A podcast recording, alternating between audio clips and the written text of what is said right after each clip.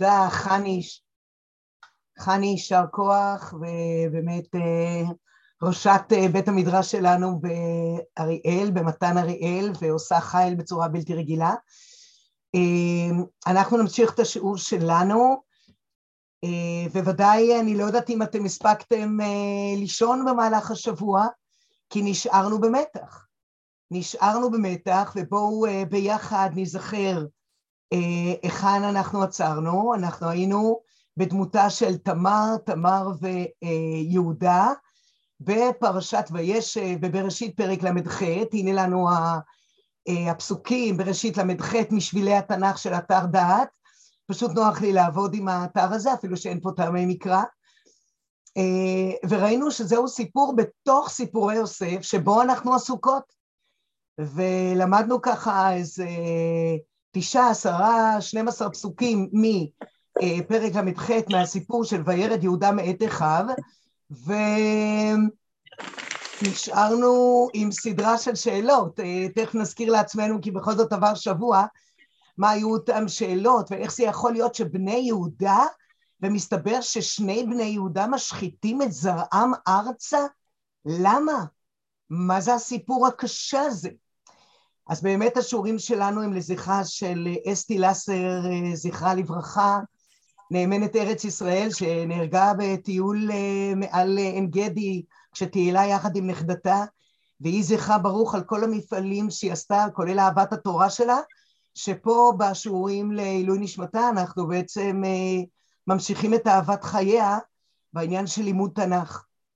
אז תכף אנחנו באמת ננסה לה, ככה להמשיך את מה ש... ונזכיר איפה היינו בסיפור של יהודה ותמר, אה, ובכלל השבת, רק כדי נזכיר אה, גם נקודה שחשוב שנזכר לעצמנו, אנחנו בעצם בפרשת ויחי.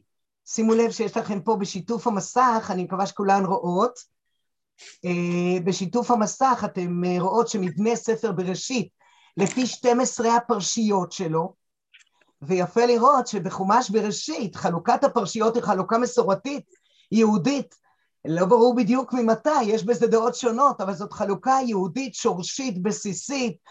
האם כבר ממשה רבנו קשה להאמין, אבל האם מעזרא ונחמיה, בזמן שהם מחדשים בשיבת ציון את התורה, אה, או ממתי בדיוק חלוקת הפרשות, שאלה מעניינת, אבל ענייננו, המסורת שבידינו, שהיא מסורת יהודית עתיקה, ספר בראשית, החומש היחיד שנחלק ל-12 פרשות.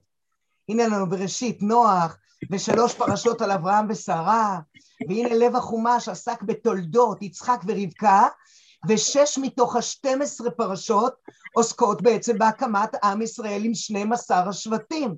הפרשות מבטאות באיזשהו מקום מבחינה מספרית את מטרת החומש. נוצרו לנו 12 השבטים שמרכיבים את העם. בחומש שמות, בחומש שמות אנחנו נראה עם המורכב ממשפחותיו משעבוד לגאולה, וזה כבר יהיה ברמה של עם בחומש שמות.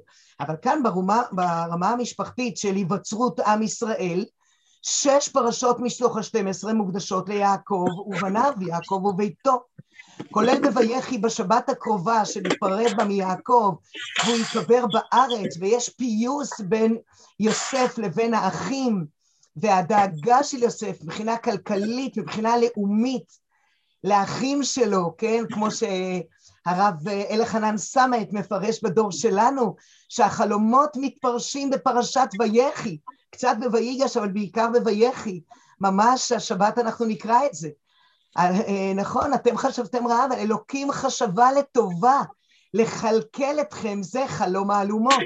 ולהחיות עם רב, זה חלום הכוכבים, הפן הלאומי, וכך מתבררים אה, אחרי 22 אה, שנה, או עוד 17 שנה שיעקב במצרים, עד שנפטר, אז יש לנו כמעט 40 שנה, מתבררים החלומות של יוסף שבעצם מה הייתה המשמעות של האלומות, של הכוכבים, בעצם לקיים את עם ישראל בכלכלה ובפן הלאומי שלו. אז הנה לנו פרשת ויחי. אנחנו בעצם פה סביב חנוכה, והתחלנו את השיעורים שלנו מחנוכה לפורים, בעקבות אסתר המלכה. אבל לא רק אסתר המלכה, אלא כוח נשי אה, כהקדמה לאסתר המלכה, שממנו גם אסתר המלכה, כשתתמודד בתנאי גלות, יונקת ממנו. והאם דמותה של תמר היא אחת מהדמויות שגם אסתר המלכה ינקה ממנה. ואני רוצה להאמין שכן, ולכן דרך פרשות השבוע אנחנו עוסקות קצת, קצת, מעט, בתמר ויהודה. אז הנה, וישב מקצב ויגש שליש החומש, שבו ממש מחנוכה ועד השבת הקרובה, ארבע פרשות מתוך השתים עשרה, זה ממש יוסף ואחיו, ומותו והפרידה מיעקב אבינו וקבורתו כאן בארץ, בשבועה שלו, שכמובן לא להיקבר במצרים. אבל נאלצים לחזור למצרים כי ליוסף יש מחויבות שם. אז בתוך סיפור יוסף ואחיו, ראינו שיש בתוך פרשת וישב פרק שחותך בין יוסף ומה קרה עם יוסף, ועוסק במקביל ומה עם יהודה. שני הכוחות שראינו בהפטרת השבת האחרונה בפרשת ויגש, איך אומר הנביא יחזקאל? עץ אפרים ועץ יהודה, עץ יהודה ועץ אפרים, והיו לאחדים בידיך. והאחדות בין האחים והשאיפה לאחדות, אה, עליה מדבר יחזקאל, ואנחנו מצווים על כך ככה בדורות של הגאולה שלנו. כן יהי רצון. אז בתוך ארבע הפרשות האחרונות אנחנו בדיוק עסוקות, כן, במבנה ספר בראשית עם 12 הפרשיות שלו. אנחנו בפסוקים של בראשית ל"ח, למניינם, חלוקה נוצרית, לא משנה, בתוך פרשת וישב, ונזכיר לעצמנו במה אנחנו עסוקות. אז ויהי בעת ההיא, ובעת ההיא זה איזשהו ציון זמן שהוא דווקא לא מדויק, ולא רק פה, גם במקומות אחרים כשיש שימוש ויהי בעת ההיא, זה איזשהו אה, משהו במקביל לסיפור של יוסף ואחיו, או יוסף הוא השחקן הראשי.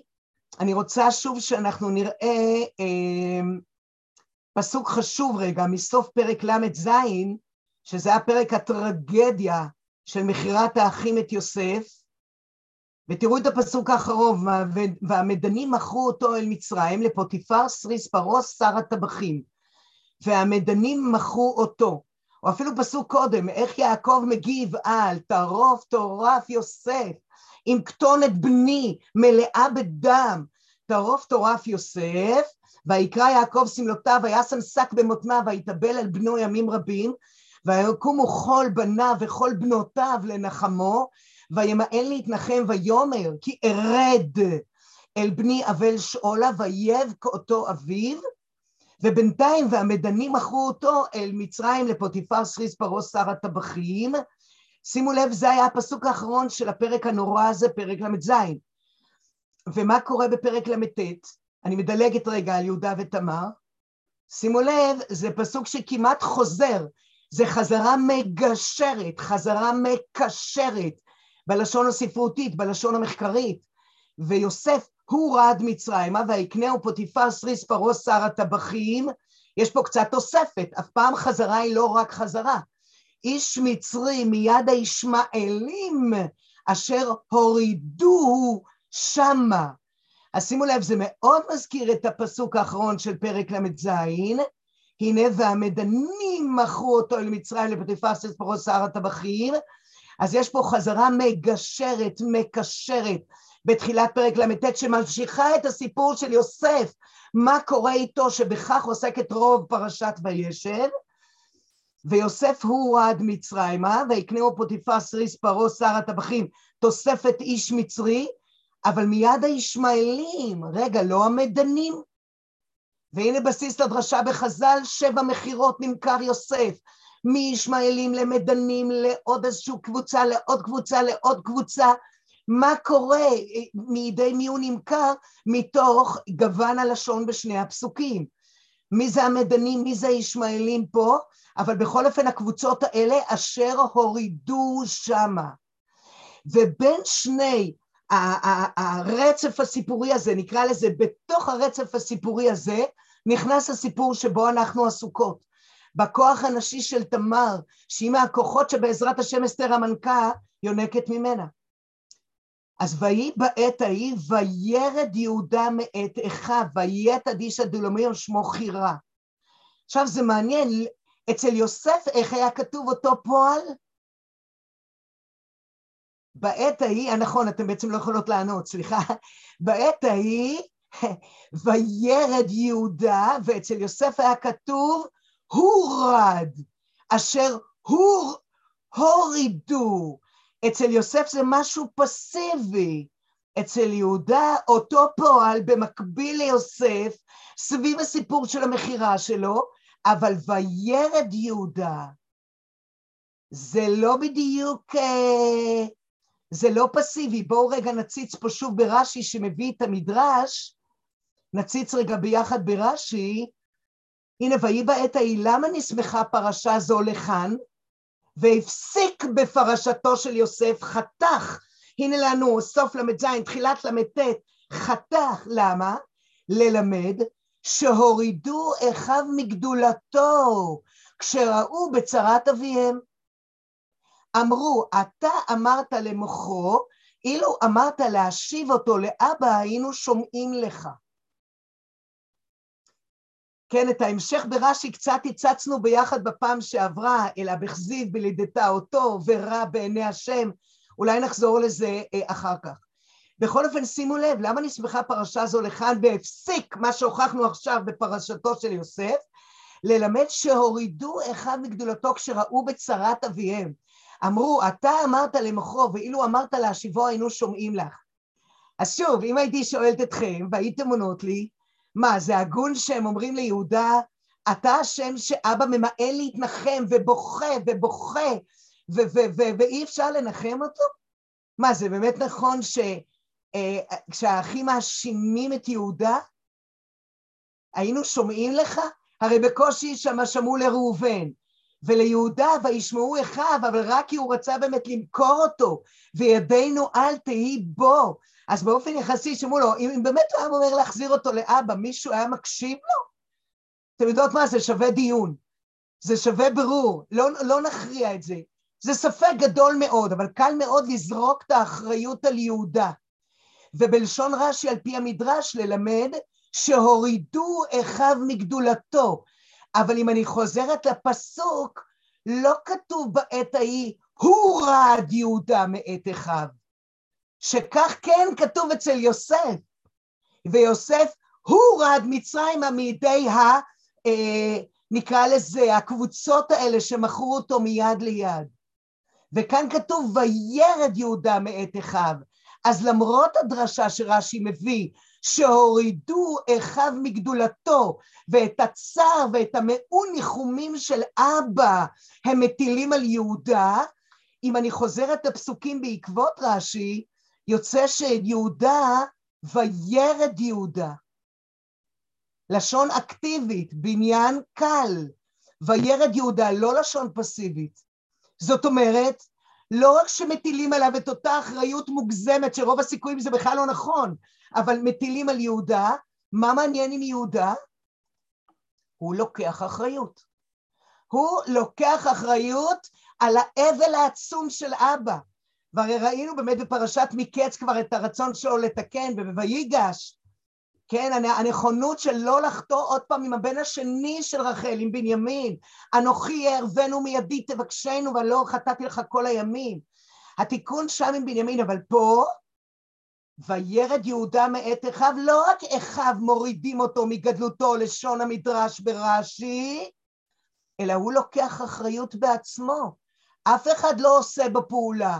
לא הורד, אלא וירד יהודה. אותה אחריות כל כך מוגזמת שזורקים עליו, הוא לוקח. וירד יהודה והוא מתנתק מהמשפחה. מאת אחיו, שאמרנו נמצאים בחברון או בבאר שבע בחברון. ויית, הוא נוטה, נוטה, פועל מיוחד. עד איש הדולמי הוא שמו חירה, אמרנו זה שם יותר גרוע מתפת, נכון? חירה.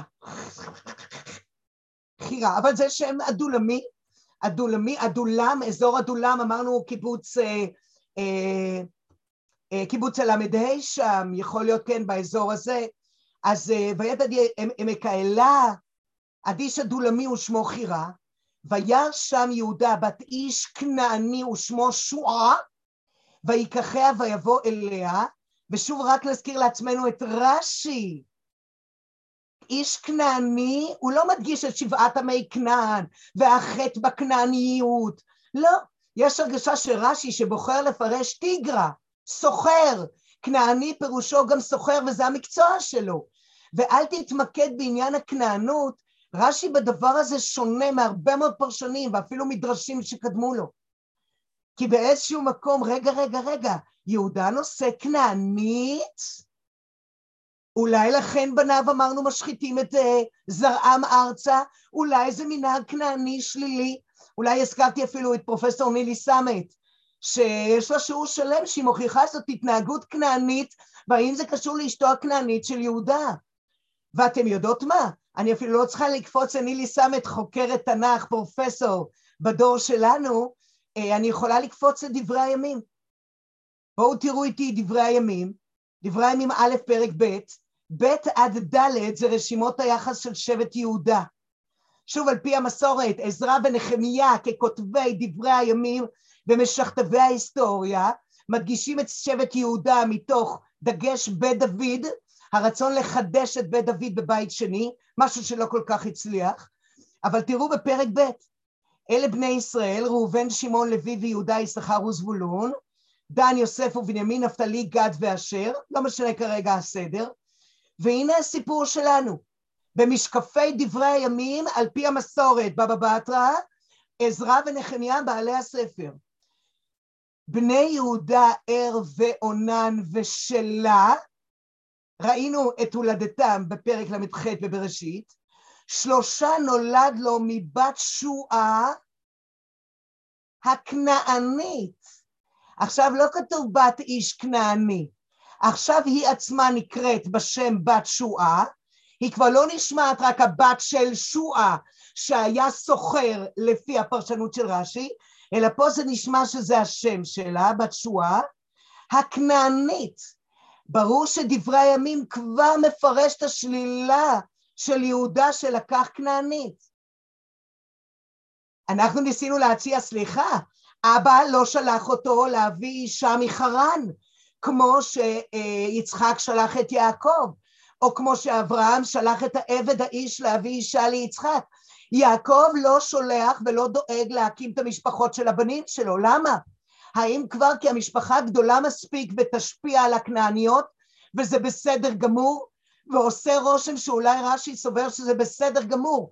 כך צריך לעשות בשלב הזה של המשפחה, אחרי אה, הדורות שכבר אברהם, יצחק ויעקב, בדור הבנים השנים עשר כבר אפשר לעשות את זה, ועובדה שהוא מפרש כנעני תיגרא, אבל דברי הימים, עזרא ונחמיה שנלחמים כנגד נישואי התערובת בתחילת בית שני, ונלחמים, אני יכולה לראות איך הנביא מלאכי אומר, ובעל בת אל נכר, ובעל בת אל נכר, הם נלחמים נגד נישואים, נישואי התערובת שהיו מכה קשה בתחילת בית שני, אז האם עזרא ונחמיה בפרשנות שלהם, בדברי הימים, כשהם כותבים ספר בדרגת רוח הקודש, בכתובים, נולד לו מבת שועה כנענית, ואנחנו כבר שומעים פה את הזווית השלילית שהיא פרשנות לנוסח של התורה בבראשית ל"ח, זה לא אותו דבר.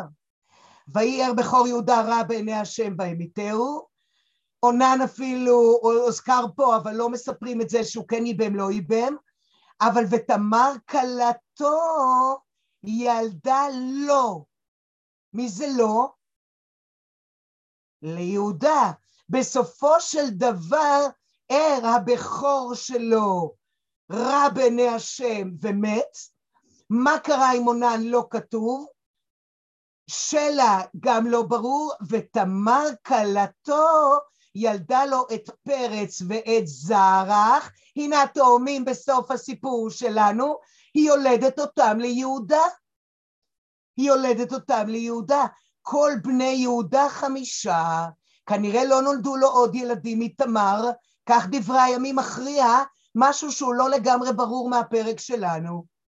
כל בני יהודה חמישה, השלושה שנולדו לו מאשתו הראשונה, שנפטרה, ותמר כלתו ילדה לו את פרץ ואת זרח, אנחנו יודעים שהם תאומים, פה זה לא כתוב. אבל שימו לב לדבר המעניין הזה, שני פסוקים בדברי הימים שנותנים בעצם פרשנות ואור על הסיפור שלנו בבראשית, מעניין. בדרך כלל לא מסתכלים בכלל ברשימות היחס בדברי הימים. או תראו בדברי הימים פרק ג', עוסקים בדוד, אמרתי, חיזוק בית דוד, שמאוד מטריד את עזרא ונחמיה בזמן ישיבת ציון. אז מה כתוב לנו כאן בפסוק ה'? אה, ואלה נולדו לו, לדוד בירושלים, שמעה ושובב ונתן ושלמה, ארבעה לבת שועה, בת עמיאל. מעניין, אתם רואות שבת שבע, שאנחנו מכירים אותה מהסיפור בשמואל ב', נקראת בדברי הימים בת שועה. כשפרק קודם אשתו של יהודה גם נקראה בת שועה הכנענית. אבל בסיפור המקורי שלנו בבראשית אין לה שם בכלל. היא הבת של מי? של שועה שהוא היה כנעני ורש"י אה, מפרש סוחר. אל תיקח את זה לכיוון הכנענות. זה לא שהכנענות היא הייתה גורם לחטא של הבנים שהשחיתו את זרעם ואולי גם יהודה חטא בדבר הזה, כמו שיש הרבה דרשות שמפרשות כך, רש"י לא בחר אותם, ואנחנו רואים שהנה אפילו בדברי הימים בפשט התנ"ך יש פרשנות כזאת על יהודה. אנחנו נלך בעקבות רש"י ברשותכם, ונחזור לסיפור כשהנקודה של הכנענית לא היא הנקודה המרכזית. שוב, יש לנו את המאור הגדול רש"י ואנחנו בעקבותיו.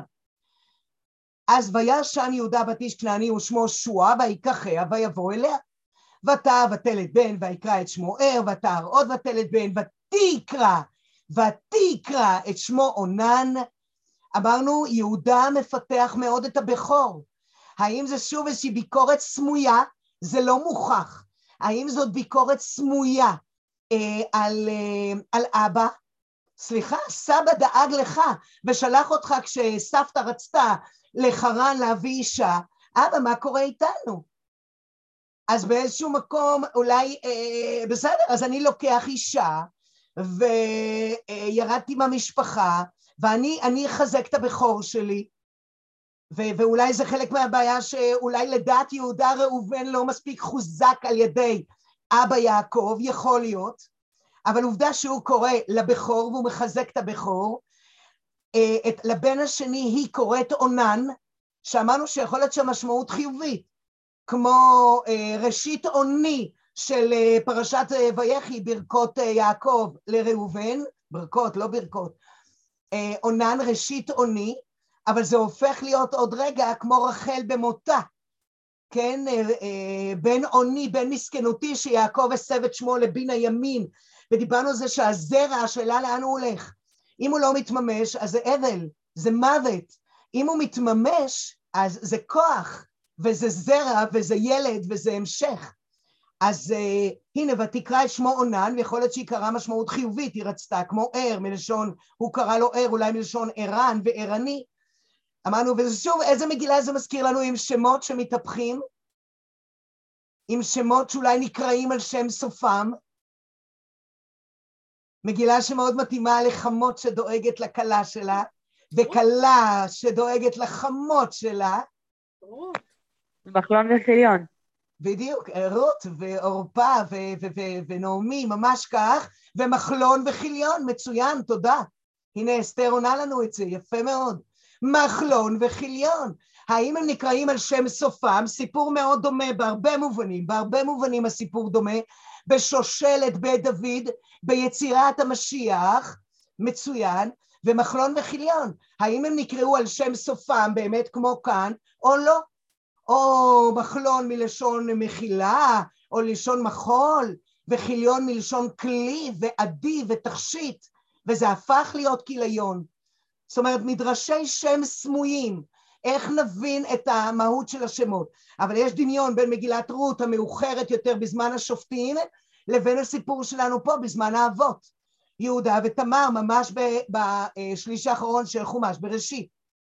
אז ויקרא את שמו ער, ועתה עוד ותלת בן ותקרא את שמו עונן, עם הדו משמעות הזאת, ותוסף עוד ותלת בן ותקרא את שמו שלה, ואולי השכנות אפילו קראו לו קצת באווירת מגילת רות, השכנות קראו שם עובד, אבי ישי, אבי דוד, אז ותקרא את שמו שלה, אבל שלה זה, אולי השכנות קראו לו שלה, כמו שלאה אומרת על אשר, והיה כי אישרוני בנות, העושר, אישרוני בנות, לא יודעת, ותקרא את שמו שלה, וכאן הייתה התוספת, והיה וכזיב בלידתה אותו. דיברנו כאן האם זה שם מקום גיאוגרפי ביהודה שמוזכר גם בספר מיכה, או האם מדובר פה על אכזבה? האם שלה הופך להיות רמז מטרים, אכזבה וההבטחה לא ממומשת לתמר, וזה כותרת להמשך של הסיפור, או לפי רש"י יש אכזבה אחרת, רק מזכירה לכם, הנה, על שם שפסקה מלדת.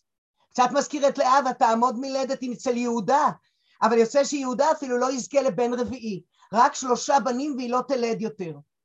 אבל מעניין שהוא לא לוקח עוד אישה. ומעניין שהוא יוצר חיים, מביא חיים, אבל יש לנו פה חיים ללא חיים. ומעניין מה שקורה במשפחה המעניינת הזאת. והיה והחזיב ולידתה אותו.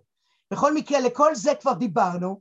ויקח יהודה אישה לאר בכורו ושמה תמר, שוב הוא דואג לבכור, ובאופן מפתיע כנגד בת שועה, שלפי הפשט פה אין לה שם עצמאי, אלא היא הבת של אדם כנעני בשם שועה, פה לכלה שלו אישה לאר בכורו ושמה תמר, דיברנו אפילו דגם צדיקים, ושמו בועז, ושמו אלקנה, כן, דגם צדיקים, ושמה תמר, לא יודעים הבת של מי, לא, ממש כמו שרי, ויקח אברהם ונחור להם נשים, שם אשת אברהם, שרי, בום, מטאור יורד לעולם. גם תמר, ושמה תמר.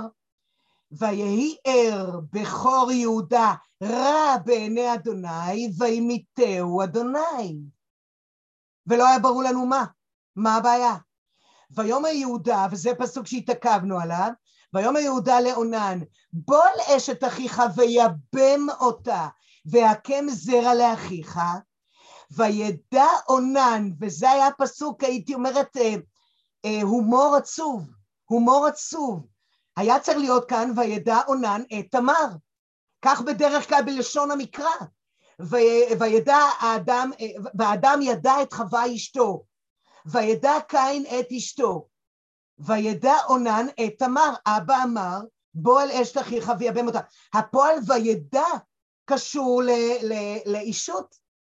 כך בלש... בהרבה מקומות אחרים אה, בתנ"ך, מכירים את זה. וכאן יש פסוק שהוא הופך להיות אה, לעגני משהו, אולי זאת לא המילה המתאימה.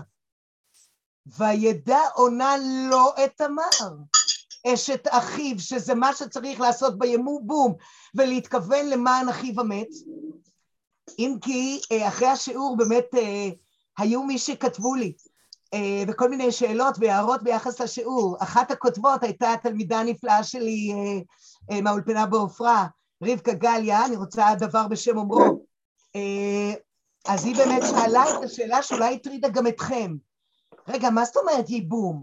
בייבום הייתי מצפה שלהקים שם המת על נחלתו, אז שייוולד ילד, למה ראינו לפני, לפי דברי הימים שקוראים לילד, אה, למה ראינו שקוראים לילד, אה, איפה ראינו את זה?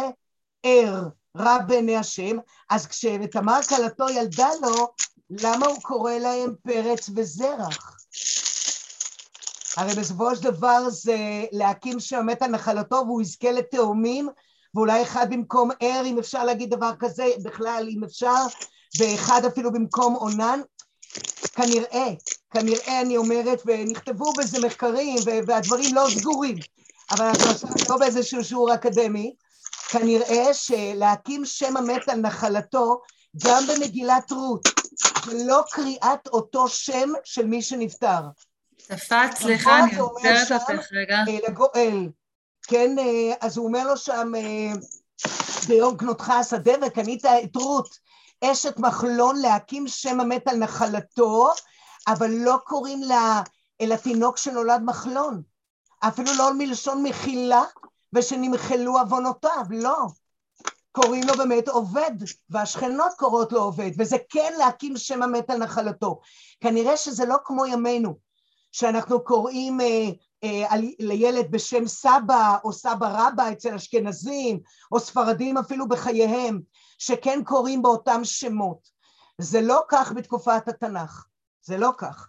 אז זה מעניין, להקים שם המת על נחלתו זה הסיפור על המת, זה הכוונות, זה הקשר לנחלה, זה אפילו שקוראים לו בשם המת, זה עדיין אותו ילד הוא למען האדם שנפטר. וזאת הערה חשובה, ואני אזכיר עוד הערה בשם רבקה גליה בהמשך.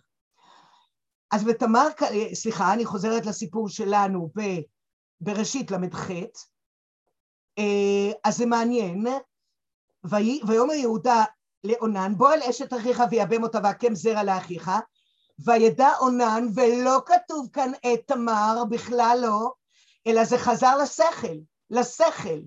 וידע אונן כי לא לעצמו יהיה הזרע, והיה אם בא אל אשת אחיו, ושיחט ארצה לבלתי נתן זרע לאחיר, וירא בעיני אדוני אשר עשה, וימת גם אותו. וראינו ששוב רש"י על פי המדרש לימד אותנו שמה זה הגם המיותר הזה, מה זה הייתור בפסוק? מיתתו, אה, מיתתו של הנה וימת גם אותו, הבן יקרא על שם המת, וזה... אה, מה זה רע בעיני השם? אתם רואות את זה כאן ברש"י? כרעתו של אונן, משחית זרעו, שנאמר באונן, הפסוק שקראנו כרגע, וימת גם אותו, כמיתתו של ער מיתתו של אונן. ולמה ער משחית את זרעו? מילא אונן, שלא רוצה למען אח שלו. אבל למה ער? רש"י מיד שואל את זה. ועונה תשובה שאני מודה בפניכם שקשה לי מאוד איתה. קשה לי, היא תשובה גברית, שאנחנו מוצאים אותה בכמה וכמה אה, פירושים במקומות שונים בתנ"ך, אבל קשה לי מאוד איתה. למה ער היה משחית זרעו? זה באמת איזושהי התנהגות כנענית מקובלת, ולא רק כנענית, גם בצרפת אה, במאות מאוחרות, כדי שלא תתעבר ויכחיש יופייה. כך רש"י מביא לנו כאן, הוא שואל את השאלה, רגע, למה ער משחית את זרעו ארצה? והוא לא עונה את התשובה כי כך דרכם של הכנענים הייתה, כמו שמוכיחה אה, פרופסור נילי סמט, אלא הוא מביא את הפירוש כדי שלא תתעבר ויכחיש יופייה. שאישה ולדנית, אז הגוף שלה מתקלקל 90, 60, 90, זה כבר לא, זה כבר לא איזה שפה בינלאומית רב דורית. זה מאוד מזכיר לנו את מי, הסיפור הזה? את עדה וצילה, עם הלמך הגועל נפש הזה, שלקח שתי נשים, ורש"י אומר שם כך דרכם של דור המבול הייתה. בשביל מה לקחת שתי נשים? מה מישהי הייתה עקרה שם? למה לקחת? אה, צילה, השקית אותה כוס של עקרים, שוב הכל אני נעזרת ברש"י שמביא לנו בקצרה את המדרשים, השקה אותה כוס של עקרין כדי שלא יתכחש יופייה, ועדה כדי שתלד. אז האם גם ער בעצם השחית את זרעו ארצה כמו עונן, ואת זה לומד רש"י מ"וימת גם אותו", הרי המילה גם מיותרת, ברור ששני פסוקים קודם קם מת ער, לא צריך להגיד וימת גם אותו, אלא וימת אותו. גם אותו זה בא לרבות את סיבת המוות, ואצל אונן כתוב מפורש שהאוננות, הוא השחית את זרעו ארצה, ובעצם לא מימש את הזרע לתוך תמר, ולכן אה, וימת גם אותו, אבל למה ער משחית את זרעו? הרי הוא לא היה צריך לייבם אף אחד, הוא לא היה צריך להשקיע במישהו אחר. כדי שלא תתעבר ויכחיש יופייה. אז זה לקח לי הרבה שנים, אבל אני חושבת, סליחה, סליחה, אני רוצה להציע פירוש אחר. למה שני בני יהודה משחיתים את זרעם ארצה? ועל זה לא ענינו. זאת שאלה פתוחה שנשארה לנו. אנחנו רואים את הכיוון של רש"י. אני מצטטת במשפט שהוא אה, ארוך ויפה ומקסים של נילי סמט, ויש עוד. אבל אני רוצה להציע לכם הצעה אחרת. למה שניהם משחיתים את זרעם? ויותר מעניין אותנו, נשאר עם השאלה הזאת כרגע פתוחה, הלאה, הלאה. אה, וזהו, ומסתבר ששניהם מתים. אז יהודה יגיד לתמר כלתו מה שיגיד לה, עוד שנייה אנחנו קוראים את זה. ברשותכם אני רק מזכירה לכם את הסיכום שאנחנו בדקנו לעצמנו אה, איך אנחנו מתייחסים לעונן. והנה שלוש ההתייחסויות שלנו, אולי יש יותר. יכול להיות שמאז שהוא פתוח הייתם מציעות עוד אפשרויות, יכול להיות. אבל אלה השלוש ההצעות שאספתי אותן משיעורים רבים. אחד זה מה שרובכן חושבות, אגואיסט, לא רוצה לחשוב על אח שלו, ורע לו מאוד, וזה רע בעיני השם. האפשרות השנייה שהיא קשה, כי כתוב שהוא עושה הרע בעיני השם, לכן קשה קצת לכתוב אותה, אבל הוא סופר צדיק, שאולי הוא לא ראוי לקיים את המצווה הקשה כל כך, עובדה שחז"ל פסקו בשלב מסוים שעדיפה חליצה מייבום, כי זאת מצווה כל כך קשה בכוונות שלה ביחסי האישות. אבל uh, יש כאן הסתייגות, זה רע בעיני השם, האם זאת צדיקות? לא משנה. או האפשרות השלישית, שאיתה כמעט סיימנו את השיעור שעבר, האם יש לו כאן כעס על אבא?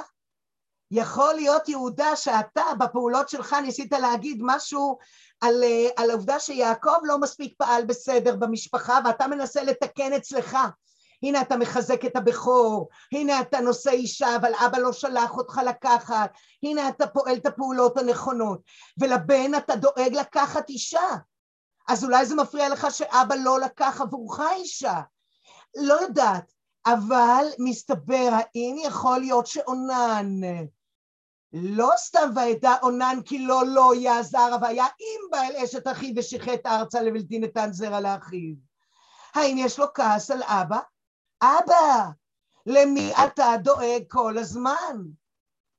ער הבכור קראת לו בשם. אני ואח שלי אימא קראה לנו, ואצל שלה והיה בכזיב ולידתה אותו, אולי אתה בכלל היית במקום אחר. ולער לקחת גם אישה, תמר, ער נפטר, שהשם ישמור. למי אתה דואג, אבא? רק לער? ויבם את אשת אחיך והקם זרע לאחיך? רק שנייה. רגע, אנחנו לא נמצאים פה.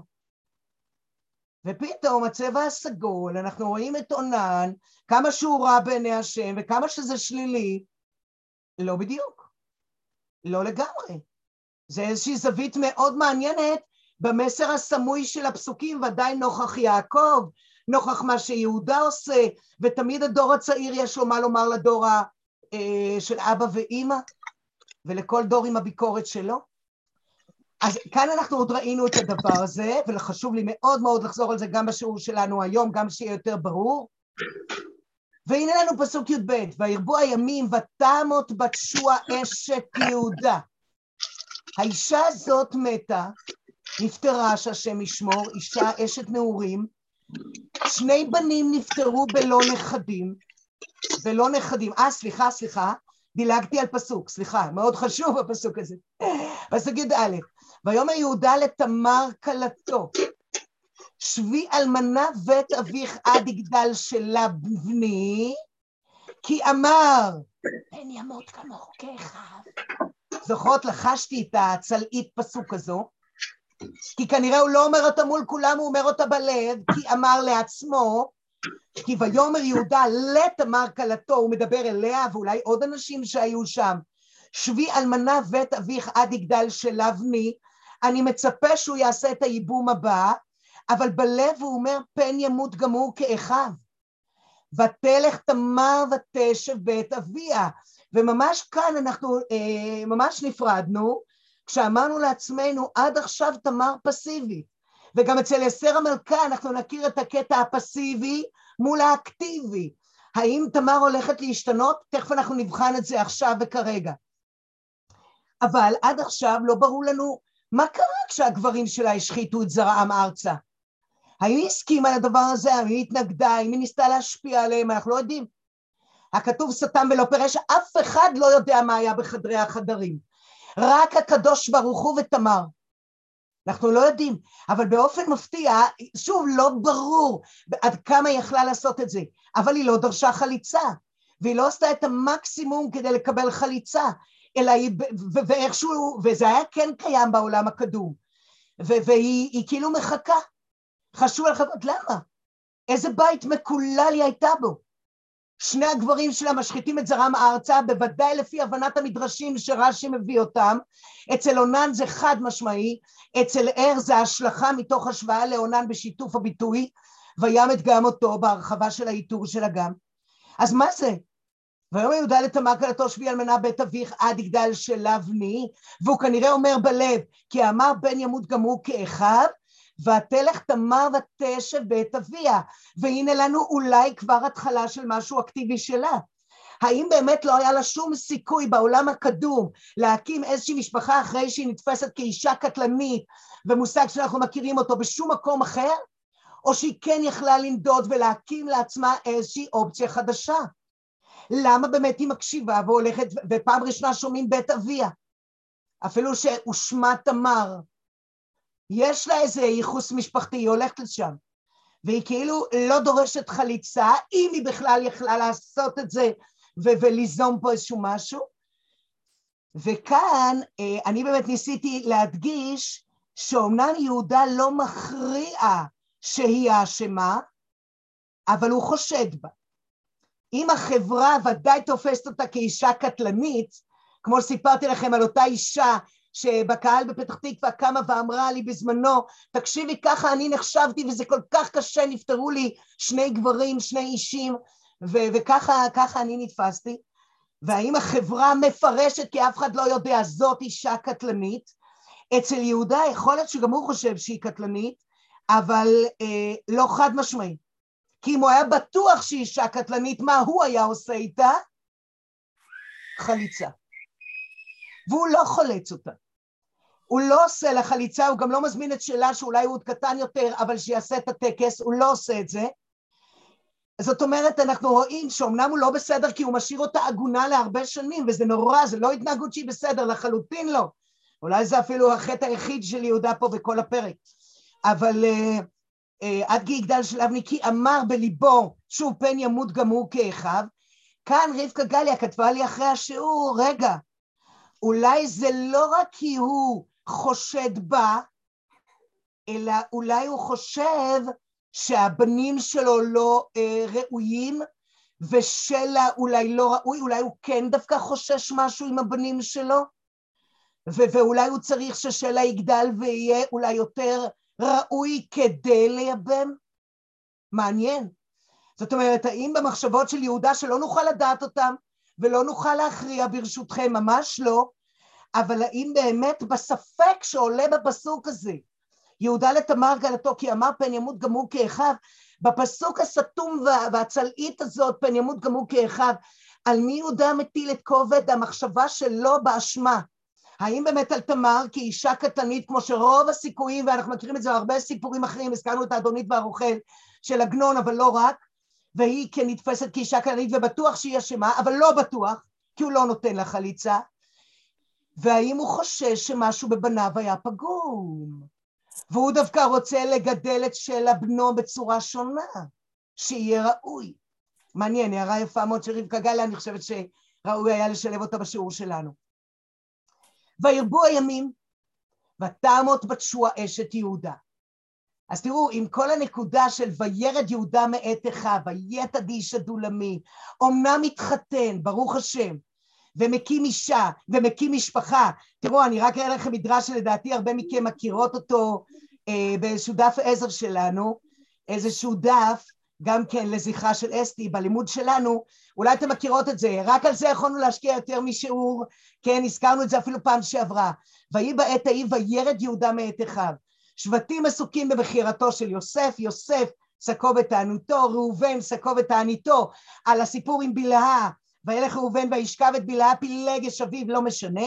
יעקב עסוק בשקו בתעניתו, על רחל, על יוסף, ויהודה עסוק בליקח לו אישה, עסוק, זה ממש אותה לשון, והקדוש ברוך הוא היה עוסק בורא אורו של משיח, מפה יבוא זרע בית דוד, אותו בית דוד שעזרא ונחמיה בדברי הימים כל כך ייתנו מקום שלושה פרקים מתוך התשעה לבית דוד. זאת אומרת, משהו ביהודה עוסק לקח אישה נתפס כדבר מאוד חיובי. והקדוש ברוך הוא עוסק בורא אורו של מלך המשיח בתוך ההתמודדות, בתוך הקושי, בתוך הדיכאון, בתוך האבל, בתוך הצער של כל אחד ואחד מהגורמים הנמצאים פה, ועל זה יכולנו להשקיע יותר משיעור, בוודאי במדרש הזה, ולא נעשה את זה. והקדוש ברוך הוא עוסק בורא אורו של מלך המשיח. אבל חברות יקרות, ויהודה עסוק בלקח לו אישה, האם באמת זאת בת שועה? זאת בת שועה שממנה יבוא מלך המשיח, שעליה ביהודה עוסק ויקחיה ויבוא אליה. וכאילו עצם הליכוחין של אישה בתוך הסמטוחה זה פן של בריאת משיח, זה פן של התמודדות בתוך משבר עם כוחות לשיקום, לחיים. אבל זה לא אותה אישה שדרכה הקדוש ברוך הוא יברא אורו של משיח. אלא באמת זה הולך להיות עם תמר, עם המשך הסיפור, לא האישה הראשונה, אלא האישה השנייה. אותה אישה שיכול להיות שאפילו אונן ניסה להגיד לאבא בפסוק ט', וידע אונן כי לא לא יהיה הזרע והיה אם בה. אמרנו האם הוא בקושי בא. אנחנו רואים פה חיים ללא חיים. אם בא אל אשת אחיו, זה אמנם רש"י יפרש פה כאשר, אבל זה, אבל עובדה שיש פה את המילה אם. ושיחט ארצה לבלתי נתן זרע לאחיו, והאם הוא ניסה להגיד אבא, אולי אתה תייבם, לפני מתן תורה מותר לך לייבם. למה אתה מצפה לזה ממני? הרי זה גם מה שהולך לקרות בהמשך הסיפור, וזה מותר. כן, תמר כלתו, איך היה כתוב בדברי הימים? תמר כלתו ילדה לא את פרץ ואת זרח, זה לא נחשב לו חטא.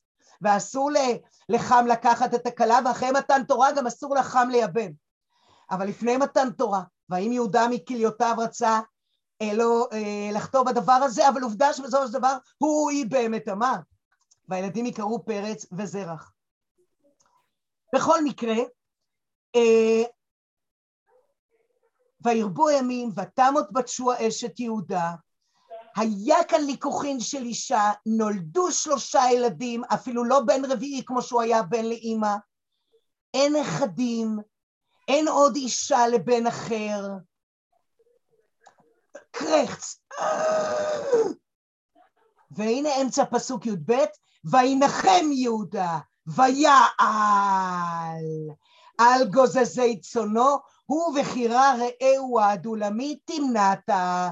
זה תמנה שנמצאת שוב ביהודה, אני לא פותחת מפה עכשיו רק מטעמי זמן. וירבו הימים ותמות בת שוע אשת יהודה, הייתי אומרת שהאווירה של וירד וירד וירד נמצאת לנו כאן למרות שהוא לקח אישה. והמדרש אומר והקדוש ברוך הוא עוסק לברוא אורו של משיח. ובאיזשהו מקום עצם לקיחת האישה זה יצירת חיים אבל היצירת חיים שהייתה בשלב א' ואנחנו בחרנו שזה לא בגלל הכנעניות שבה אם כי הרבה פירושים הולכים כן ככה. וינחם יהודה וינחם, שזה דבר קשה, אבל זה שוב, זה הכוח אחר כך שיש של דוד גם. קשה כל כך, נמוך כל כך, ירוד כל כך, אשת נעורים, ואולי היה כבר איזשהו מרחק ביניהם, והיה בכזיב בלידתה אותו, הוא קורא, היא קוראת, אבל היא נפטרה, הוא לא לוקח עוד אישה, וינחם יהודה, ויעל. הוא מתרומם, והכוח להתרומם מכוח עצמך, מתוך המשבר, ויעל על גוזזי צונו, הוא וחירה וראה הדולמית תמנעת. אבל זה לא מספיק. כשהיא שומעת, תמר, ויוגד לתמר לאמור, הנה חמיך עולה, עולה תמנעת לגוז צונו. היא במשך השנים עוקבת, היא במשך השנים דואגת שיהיו לה שליחים, הנה חמיך עולה, לא וירד יהודה, לא לקיחת האחריות והירידה מהמשפחה, הנה חמיך עולה תמנת על הגוז שונו. אבל תכף תראו שזה גם כן עלייה עם אמברקס מורם, ממש. ותסר בגדי אלמנותה מעליה, ותכס בצעיף ותתעלף, ותשב בפתח עיניים אשר על דרך תמנתה, כי ראתה כי גדל שלה, והיא לא ניתנה לו לאישה. אז היא מסירה את בגדי אלמנותה, עוברות שנים. ותכס בצעיף ותתעלף, האם זה דרך הפרוצות? ותשב בפתח עיניים אשר על דרך תמנתה, אתם רואות כאן את הסתירה בתוך הפסוק. מצד אחד היא מתכסה, אבל היא מתיישבת במקום שהוא פתח עיניים, שכל העיניים צופות בו, אשר על דרך תמנתה, בדרך לתמנה, כי ברור לה שיהודה רוצה להגיע לתמנה. ולמה? ולמה? כי ראתה גדל שלה, והיא לא ניתנה לו לאישה. ההבטחה לא מתקיימת. יש כאן אשליה, שלה הפך להיות אשליה. ויראה היהודה, ויחשביה לזונה, כי היא כיסתה פניה. מדהים. ויראה היהודה ויחשביה לזונה, כי היא כיסתה פניה? מה זה? הרי באיזשהו שלב אה, פניה לא יהיו מכוסים. רגע, הוא לא מזהה אותה? הרי הוא זה שלקח אותה לער, לא? ויקח יהודה אישה לער בכורו ושמה תמר. הוא זה שאומר לעונן יבם את אשת אחיך. אז מה זה עכשיו כשהיא מתחפשת לפרוצה אה, וראתה שהיא לא ניתנה לו לאישה, ויראה יהודה כשהיא נמצאת על דרך תמנעתה בפתח עיניים והוא חושב אותה לפרוצה כי היא כיסתה פניה? מה זה כי היא כיסתה פניה? לא ברור. לא ברור, אבל יש לה צעיפים והיא מכסה את פניה. באיזשהו שלב הפנים התגלו, ואז אתה לא מזהה אותה? בסדר. ותראו עוד פעם הפועל הזה. ויית אליה.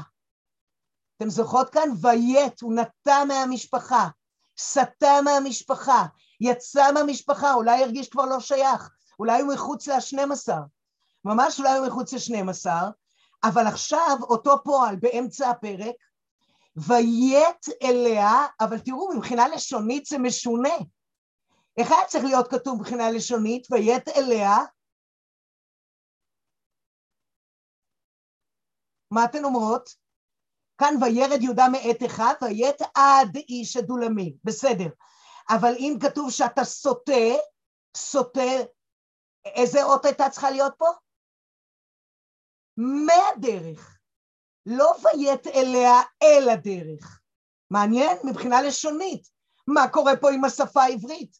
ויית אליה אל הדרך. נתייחס לזה בהמשך, ויאמר, הבה נא אבוא אלייך, כי לא ידע כי כלתו היא. מעניין, בשום שלב אתה עם הפרוצה ואתה לא יודע שהיא כלתך ואתה לא מכיר אותה? אבל מעניין שהיא אומרת לו, הפרוצה הזאת, ותאמר, מה תיתן לי כי תבוא אליי?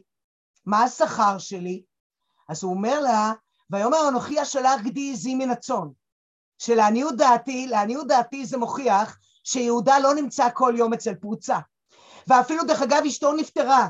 בואו נגיד מבחינת הדין היבש הכל בסדר. ודאי אם הפרוצה מזמינה. זה לא אידיאלי, לא ככה היינו רוצים לראות את, ה, את נשיא המדינה, לא ככה היינו רוצים לראות את הגדולים שלנו, אין ספק, אבל אין פוחד. אשתו נפטרה, אפילו אם אשתו לא הייתה, אבל אשתו נפטרה, והוא, אה, פרוצה מפתה אותו, אבל כשהוא אומר אנוכי השלח גדי עזי מן הצאן, חברות יקרות, אולי יש פה רועות צאן בינינו, אבל בכל זאת, אם אני לא טועה, זה משהו כמו 1,200, 1,300, 1,500 שקלים. זה לא בדיוק מחיר לכל אה, לילה שאתה יוצא, זה, זה, זה משהו חריג, זה שכר מאוד גבוה, זה שכר מעולמו בתוך רועה צאן. ויאמר אנוכי השלח גדי עזי מן הצאן, שכרגע אין לי אותו, ומעניין שהפרוצה הזאת לא מאמינה לו. ותאמר, בסדר, אבל אם תיתן ערבון עד שולחיך.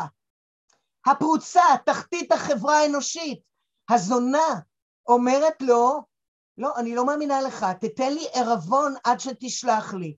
הייתי אומרת שפה הייתה צריכה להידלק נורית ל... ליהודה. מה? הפרוצה לא מאמינה לי? אבל הוא שואל אותה, הוא מכבד אותה, כמו שלמה במשפט הפרוצות שלו. ויאמר, מה העוון אשר אתן לך? מה את מבקשת? על הגדיזים, ותאמר חותמך פלטילך ומתך אשר בידיך, ויתן לה ויבוא אליה וטהר לו. חברות יקרות, מה זה חותמת פתיל ומטה? מי שמכירה במוזיאון ארצות המקרא, יש שם ממש אה, אה, ארונית כזאת שאתה צופה בה בתוך כדי הסיור במוזיאון ארצות המקרא ורואים את החותמת הפתיל והמטה זה הסיכה שתולים בבגד. זה החותמת הפתיל והמטה שבסך הכל עברית פשוטה זה התעודת זהות שלו. ואתה יכול לעשות חדשה, זה אנשים עשירים היה להם חותמת פתיל ומטה, לא לכל אדם פשוט היה, וזה באמת היה כמו אתה, תולה, אתה אה, תוקע בבגד וזה סימן זהות. ותאמר חותמך, פתילך ומתך, כמובן שיש בזה גם דרשות. ומה אתן מרגישות אה, שהיא אומרת, אני רוצה תעודת זהות, נות... וייתן לה, ויבוא אליה, ותהר לו. מה אתן שומעות כאן למרות שראינו פעמיים את הפועל ויעל, והנה חמיך עולה תמנתה. מה אתן מרגישות במפגש הזה עם הפרוצה בלב הפרק? כשהיא אומרת אני רוצה את התעודת זהות, כשכתוב וייתן לה, ויבוא אליה, ותר לו. טוב, אתם לא יכולות לענות לי במקהלה, אבל האם אנחנו שומעים פה שהוא זורק את הזהות שלו? עם כל הוויעל ויעל ועם כל האיסוף העצמי, והיא חיכתה לשמוע שהוא עושה פעולה של עלייה מעצמו כדי להתחבר אליו, אבל עדיין אנחנו מרגישים שיהודה בייאוש הטוטלי של בסדר, מזכירה לכם, הוא אחראי על הבן שאיננו, על האח שאיננו, הוא לוקח את האחריות הזאת על עצמו, הוא אחראי על הדבר הזה, הוא יורד מהמשפחה, מקים משפחה פרטית, קדחת בצלחת, אשתו נפטרה, אין נכדים, אין משפחה, הכל קרחץ, הכל קרחץ. אז הוא מגיע אל הפרוצה, הוא לא מזהה אותה, ממש הוא לא מזהה אותה, יש פה נושא הזיהוי, לזהות, תעודת זהות, מה הזהות שלך, הבירור של הזהות כל כך בולט כאן, אפילו שהפועל הזה לא מופיע. ויראה יהודה ויחשביה לזונה כי כיסתה פניה, הוא לא מכיר אותה למרות שהוא לקח אותה בתור כלתו לער. ויית אליה אל הדרך, לא יודע שהיא כלתו, מה תיתן לי? אז אני אתן לך גדיזים שזה הון תועפות, הון תועפות, היא רוצה ערבון ו... וייתן לה את התעודת זהות ויבוא אליה ותר לו. הייתי אומרת בעברית שלנו היום זורק, זורק, זורק. טוב, ומהנקודה, התחילה גבוהה, אבל בכל זאת נמוכה של הפרק, ותקום, ותלך, ותסר צעיפה מעליה, ותלבש בגדי אלמנותה. אולי מישהי רוצה להעביר כאן חץ לפסוק י"ד, אתם רואות שיש כאן מסגרת. מפסוק י"ד לפסוק י"ט. כי ותסר בגדי אלמנותה, ותכעס בצעי, ותתעלף, ותשב עיניה ועל דרך תמנת, וירא יודע, ויחשביה לזונה, כי כיסתה פניה, ומה אשלח, וחותמת, ומה תיתן לי, כי תבוא אליי. ותקום ותלך ותכלס צעיפה מעליה ותלבש בגדי אלמנותה והיא חוזרת בעצם לבית אביה והנה נגמר פה הסיפור של הסיטואציה הזאת של הזנות וישלח יהודה את גדי העזים תראו פסוק י"ז מול שהוא הבטיח לה את גדי העזים וישלח יהודה את גדי העזים ביד רעהו הדולמי לקחת הערבון מיד האישה ולא מצא פה זה נשמע לנו, באמת לא נעים לו שהתעודת זהות נמצאת אוקיי. בידיים שלה. זה ממש לא נעים לו. אבל מעניין שראהו הדולמי לא מוצא אותה. וישאל את אנשי מקומה בתמנה לאמור, איה הקדשה היא בעיניים על הדרך? איפה הפרוצה הזאת ש...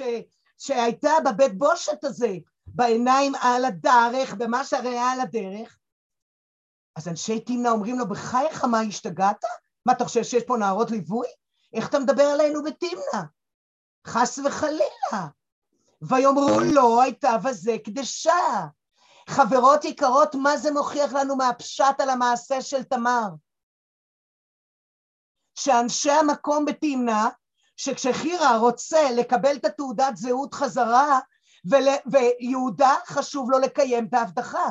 הוא הבטיח לה השלח גדי עזי מן הצאן. זאת אומרת, בדרך כלל יהודה מילה שלו זאת מילה, והוא גם רוצה את התעודת זהות חזרה. את הערבון מיד האישה ולא מצאה. וחירה שואלת אנשי תמנה לאמור, אריה קדשה היא בעיניים על הדרך, ויאמרו לא הייתה בזה קדשה. תפסיק. אל תדבר ככה על תמנה, לנו אין פרוצות, אין לנו נערות ליווי, זה לא בית בושת. פויה, פיכסה. מה שמראה שכמה שתמר חשבנו שהיא יושבת בפתח עיניים ומתעלפת על הדרך ומניפולציות, מי זה היה בפתח עיניים? מי היחיד שראה אותה? ומי היחיד שביית אליה אל הדרך ולא מהדרך? רק יהודה. זאת אומרת, לפי הפשט, כל מה שהיא עשתה והיה נשמע לנו כל כך גלוי, גלוי, גלוי, היה מאוד מכוסה. אולי מזכיר קצת את רבקה, שרגע הגילוי הוא רגע הכיסוי. בכל אופן, לא משנה. אה, וישאל את אנשי מקומה, והם אומרים לו, אין פה קדשה, ואין פה שום בית בושת, ואין פה כלום. מה שמראה שמה שתמר עשתה היה בסופר צניעות. ואתם יודעות מה? אם באמת יהודה לא מזהה אותה, מה שחז"ל יאמרו, ולמה הוא לא מזהה אותה? אפילו לא ברגע שהם יהיו ביחד.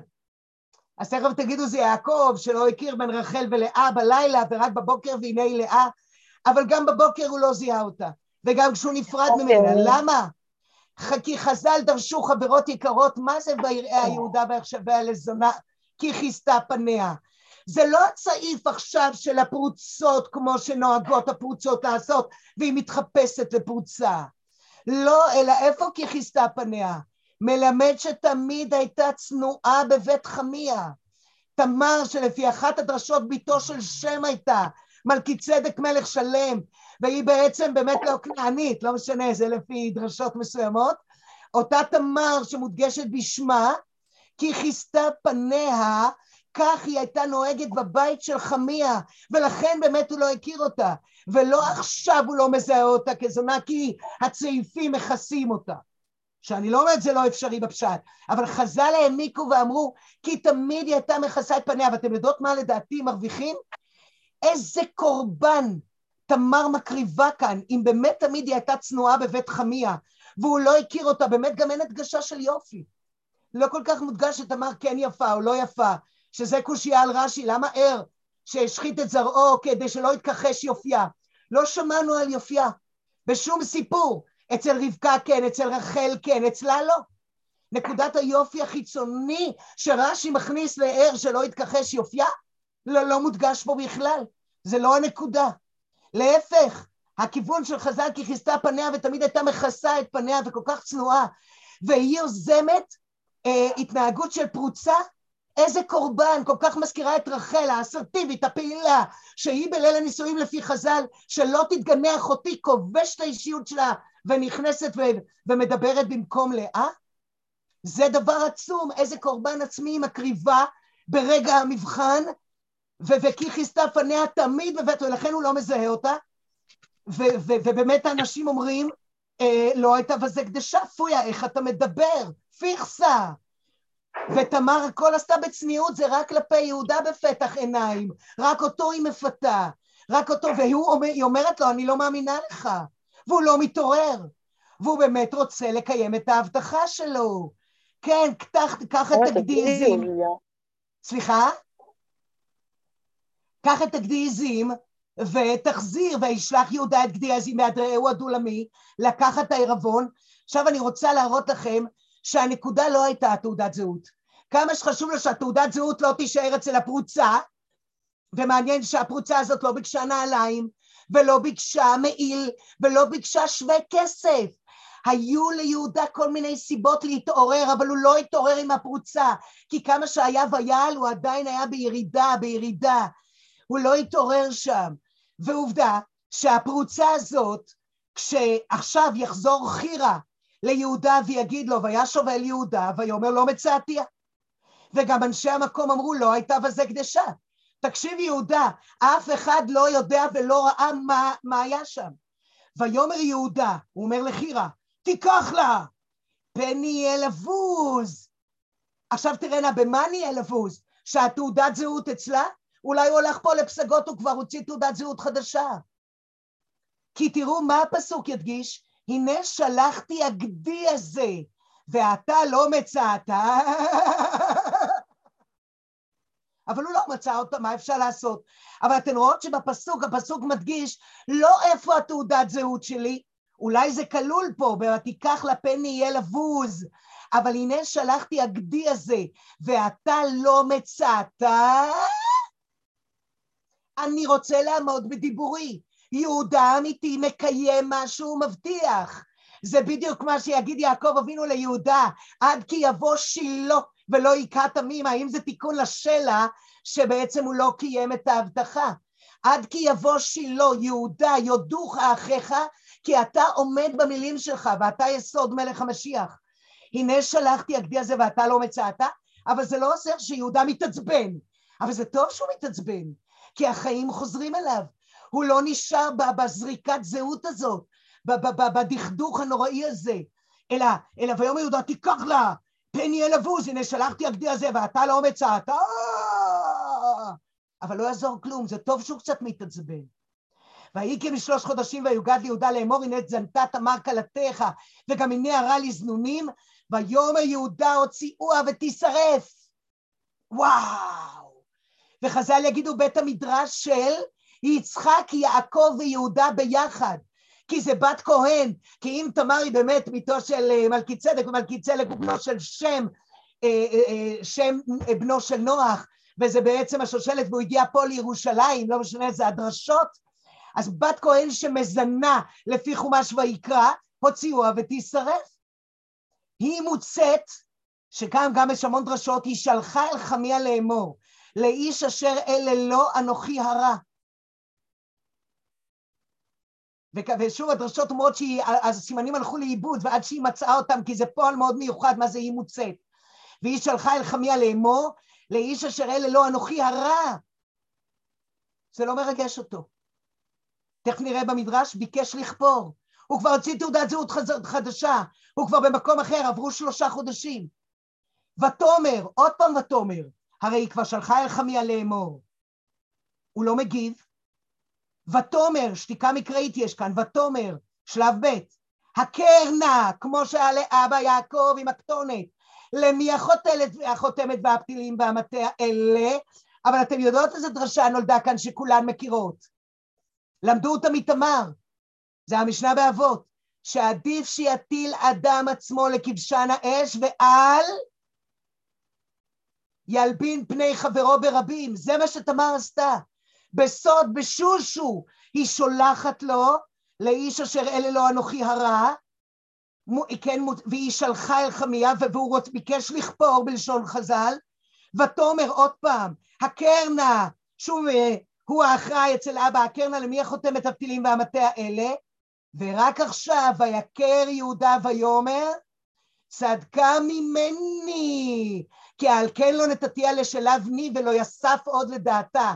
אז אם הוא לא הוסיף, כמו שדברי הימים פירש, או לא יסף, זה לא פסק לדעתה, ודווקא הם הפכו להיות איש ואישה. דברי הימים פירש זה היה חד פעמי. הנה התאומים, הנה פרץ וזרח, וזה לא כמו יעקב ועשיו, אלא ברור מי הוא פרץ ומי הוא זרח. זרח הוא כאילו עשיו יוצא שני, ופרץ הוא היעקב שיוצא ראשון, ובאמת אה, איש בן פרצי, אבל uh, ממש מזכיר לנו באמת את לידת רבקה וגם ותכעס בצעיף. לא משנה, כבר אני עוברת את הזמן ולא טוב לי עם זה, אבל אני רוצה כן לסיים כאן איזושהי נקודה. איזושהי נקודה ברשותכם, זה לא את כל העניין. אני חוזרת לפסוק הכל כך משמעותי, ויקר יהודה ויאמר, ויקר יהודה, לוקח את האחריות ויאמר, צדקה ממני. מה זה צדקה ממני? היא יותר צודקת ממני. או שנקרא את זה צדקה, ההיריון הזה ממני.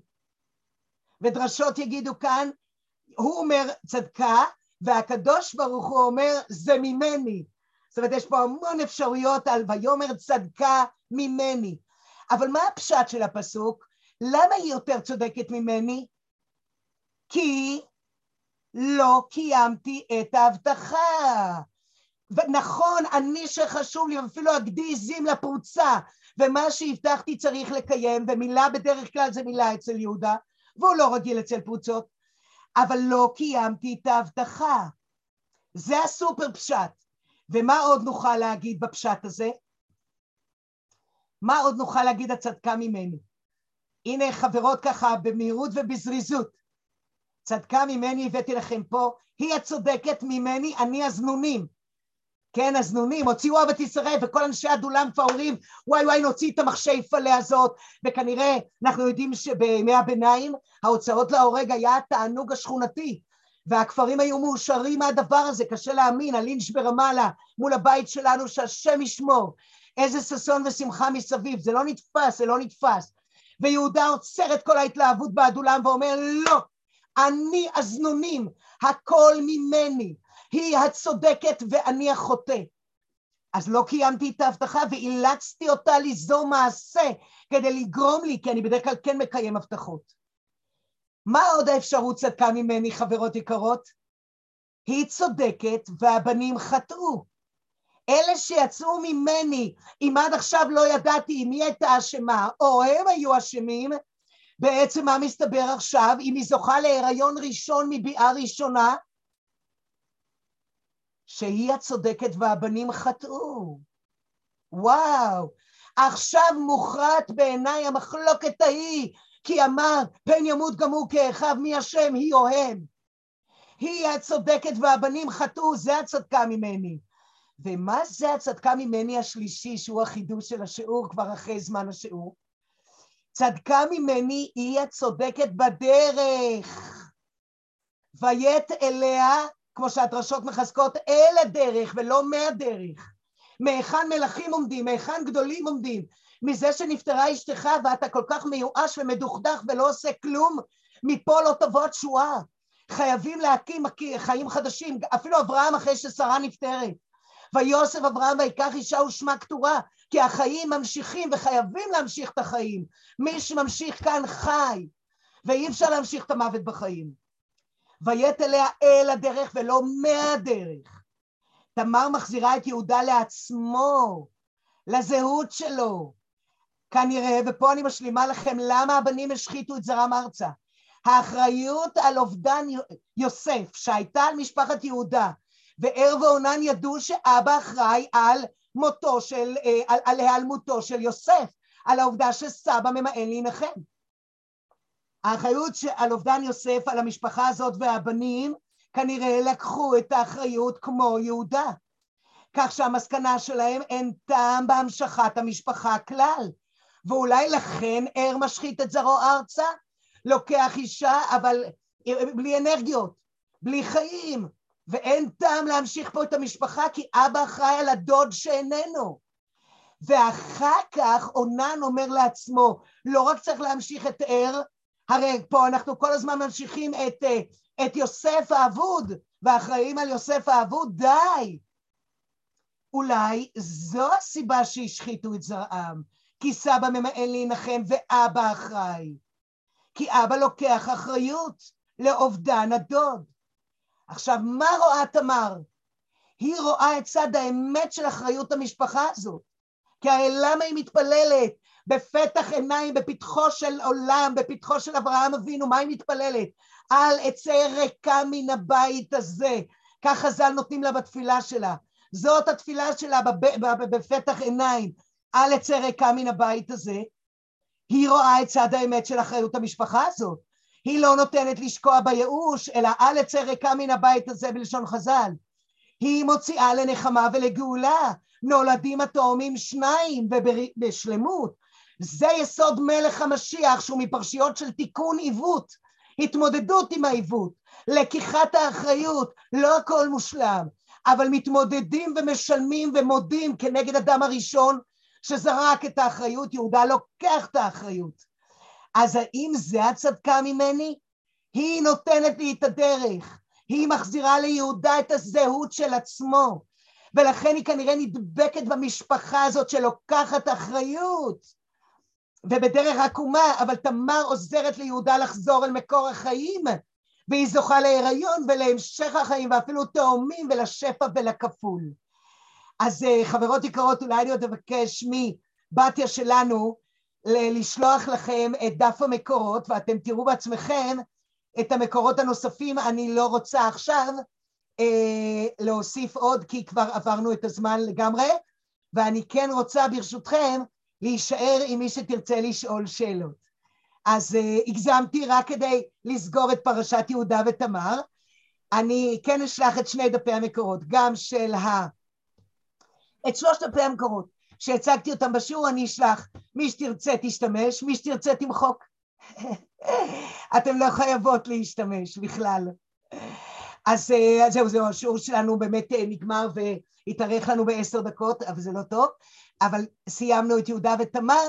אתם תראו שדרך הדף אנחנו בעצם עוברים למרים, לפרשת שמות, ושוב מאיפה אסתר תינק את הכוחות שלה. את זה אנחנו נראה בפעם הבאה, וגם את הקשר בין תמר למרים עוד נחדד. כן, אז להתראות ולילה טוב, אני נשארת עם כל מי שרוצה. תודה רבה, לילה טוב. לילה מצוין, לילה מצוין, שיהיה לנו כוחות של התמודדות, כן יהי רצון. אמן, אמן. תודה רבה רבה, את נהדרת, איזה כיף. תודה לך. לילה טוב. כן, לילה טוב, להתראות. תודה רבה, יישר כוח. יופי. יופי. אז עכשיו, חברות יקרות, קדימה, מי רוצה להעיר? מי רוצה אה, להוסיף, לשאול, נראה מה שנצליח. הנה רבקה גליה נמצאת כאן, אני לא יודעת אם אתם רואות, אבל... אה, כבר אני לא עושה שיתוף מסך, אז אני חושבת שאתם לא רואים. שם? כן. אפשר בבקשה? כן, מי, מי רוצה? פספסתי את ה... אני, יונית, כן. פספסתי את ההתחלה של השיעור הראשון ורציתי לשאול איך הלימוד על תמר וכולי מתקשר לאסתר, או שזה כבר נבין בהמשך. נבין בהמשך, זה הכוחות, זה לא בדיוק מתקשר לאסתר, אבל כשנבדוק את הכוחות שאסתר אה, תוביל ותהפוך מהפסיבית לאקטיבית, אז אנחנו נראה מאיפה היא שאבה את הכוחות, ממי היא עצמה יכלה ללמוד. זאת הנקודה, אבל בתיה שולחת גם את ההקלטות, כך שאת יכולה להשלים את התחלת השיעור שעבר. בכיף, יונית. מעניין ש... שבת שועה מת, מתה, אז כן. הם, הם לא, הם קוראים לה בת שועה. לגמרי. בדברי הימים. נכון. ובת שבע נקראת בת שועה בדברי הימים, בדיוק. נכון, נכון, אז מעניין שבסוף, זאת אומרת בלמד חצי, בסוף, כשהיא, כשהיא מתה, זה גם כן שומעים את זה. לגמרי, נכון מאוד, נכון. נכון מאוד, זה נשאר השם שלה, שהוא שם ללא שם, והוא נגיד לתמר שהיא מופיעה עם השם, עם ה... שתמרה מעשיה כקטורת, שנעים מעשיה כעץ התמר. יש עוד הרבה דרשות ביחס אליה, כן. כן, חברות, שאלות, הערות. אני אשמח. כן, קדימה. אליס? שלום, תודה רבה קודם כל. כן, אליס. השיעור מרתק, ואני ממש מודה לך. אני מודה לקדוש ברוך הוא, זה תפילה, אתה לא יודע. כן. ורציתי להוסיף איזו תובנה שככה באה לי תוך כדי. נפלא. Uh, בהקשר של... Uh, אני מלמדת מיניות. מה את מלמדת? גם בשיטת המודעות. מיניות, 아. אה. מיניות בריאה לנערות, לנשים. יפה. ושאמרת שתמר הופכת להיות אקטיבית, והיא נכנסה להיריון מהמפגש שלה עם יהודה, זאת אומרת שבזמן הזה היא הייתה בביוץ. לגמרי, אפילו אחת הדרשות בפתח נכון. עיניים, שטבלה במעיין לפני שנפגשו. ו... היא ממש תכננה את זה, כן. כן, אלי, נעלמת לנו. וגם השלב ביוץ אצל האישה. הלו, את שומעת? תפס? לא כל כך, את נשמעת לא נשמעת. כן. בואי ננסה פה, את שומעת? שומעת? שומעות? כן. כן. אז אני אומרת שהשלב הזה... את שומעת אותי? כן ולא. אז זה השלב הכי מעשי אצל האישה. נכון. אז זה אה, מתחבר יפה. לגמרי, זה בדיוק הדרשה. את מבינה מה אני אומרת? שטבלה, טהורה אני, ממש, היא אומרת לו שמה, טהורה, היא בעצם ממש מותרת לו, היא אסורה לכל אדם והיא מותרת לו. ואת תראי את זה באותו דף שאני אשלח, זה ממש הדרשה אומרת את זה. וכך היא מפרשת אחת האפשרויות של פתח עיניים, אותה טבילה שהיא טובלת לקראת המפגש איתו. נכון, לגמרי. טוב, לא, זה לא קורס שנתי על תמר, זה רק uh, שני שיעורים, זה הכל. תודה, אליס, תודה. כן, רבקה גליה, מה את אומרת לנו? מותק. האמת, אה, כתבו בהערות, לא יודעת אם הספקת לראות הערה אה, מעניינת. אה, טוב, שאת אומרת, לא, לא הסתכלתי בכלל. כן, כן, אז האמת, היו כמה שאלות, אבל בהקשר של מה ש... אה, הנה אליס. כן, מה כן. שדיברת על, כאילו, על העניין של פן ימות גם הוא כאחיו, אז אחת ההערות היו שכתוב בפסוק גם לכאורה מיותר. אז נכון. מישהי כתבה, וללי יש אולי יש פחד שימות גם של, אה, שלה בחטאו. כאילו ש... אה, זה מעניין, שכאילו גם בפסוק הזה מופיע המילה גם. ואז כאילו זה מחזיר אותנו לגם, לגם של עונה, זה מחזק יפה, יפה, מקסים, יופי של הערה, מצוין. כן. זה יוסיפון אמרה, כן, כן, אני לוקחת.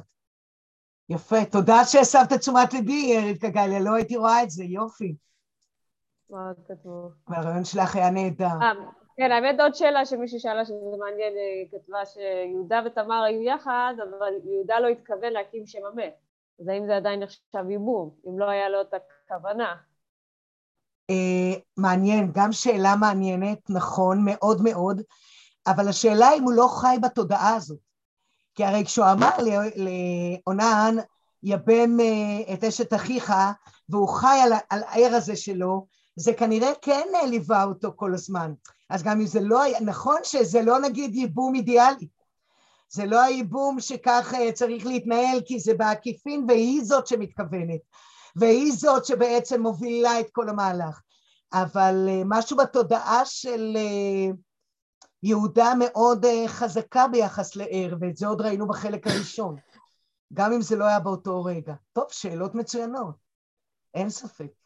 אני לא כל כך מבינה איך אפשר בעצם, איך הוא יכול להקים את שם המת, כי הוא בעצם דור אחד מעל. זאת אומרת, אה, אה, השם של ער נכון. הוא צאצא של יהודה, ו, ובעצם אה, כאילו יהודה לא יכול להקים שם של מישהו שהוא צאצא של, של עצמו. את יודעת מה? זה נורא מעניין מה שאת אומרת, ואולי את נותנת איזשהו הסבר למה בסופו של דבר ביהדות נאסר על החם לעשות את זה. יכול להיות שאת באמת נותנת כאן איזשהו הסבר עמוק שמשהו ברעיון להקים שהמת על נחלתו מצד האבא זה בעצם עוד בן. מצד שני אני רוצה להגיד לך שדווקא גם במשפחות שלנו, שהשם ישמור, כשקורה אסון לאיזשהו בן והורים אה, כן זוכים ואפילו נשים בגיל מבוגר יותר להביא איזשהו תינוק שנותנים לו שם אחר ולא השם של הנפטר אבל מתכוונים בלב באיזשהו למען האח שאיננו ואני מכירה גם סיפורים אישיים כאלו וזה הורים שעושים, לא אחים. אז אה, נכון שהתורה תאסור את העניין הזה של אבא או החם שמייבם, אבל בעולם הקדום זה כן היה קיים, ואני אומרת שדווקא בעולם שלנו היום, ולא בעניין הייבום, אלא בעניין של מת שנפטר או נהרג חס ושלום, או תאונה או, או על uh, קדושת מדינת ישראל, וההורים כן נולד תינוק בפער של הרבה מאוד שנים, מכוונים למען הבן שאיננו. ואנחנו רואים את זה, רואים את זה. לא חסר עוד דוגמאות כאלה. טוב, תודה. תודה. כן. תודה, ופשוט השיעורים שלך, אין עליהם, באמת. רק תודה. להודות לקדוש ברוך הוא. תודה, ואני ברור. מתפלל, אני מתפללת על זה, שום דבר לא מובן מאליו. שום דבר ברור, לא מובן מאליו. ברור, ברור, ברור. תודה, תודה. כן, וזה כנראה גם זכותה של אסתר. שמגינה כאן עלינו ויוצרת לנו את אהבת התורה הזאת, זה כנראה ממש כך. לגמרי. תודה רבה. תודה רבה, זה ממש... אז שיהיה לנו לילה טוב. מרתק. כל טוב לכן, ולהתראות לנו עם מרים בפעם הבאה, ועוד קישור ביניהם. תודה רבה. ברוכות תהיינה. להתראות. להתראות.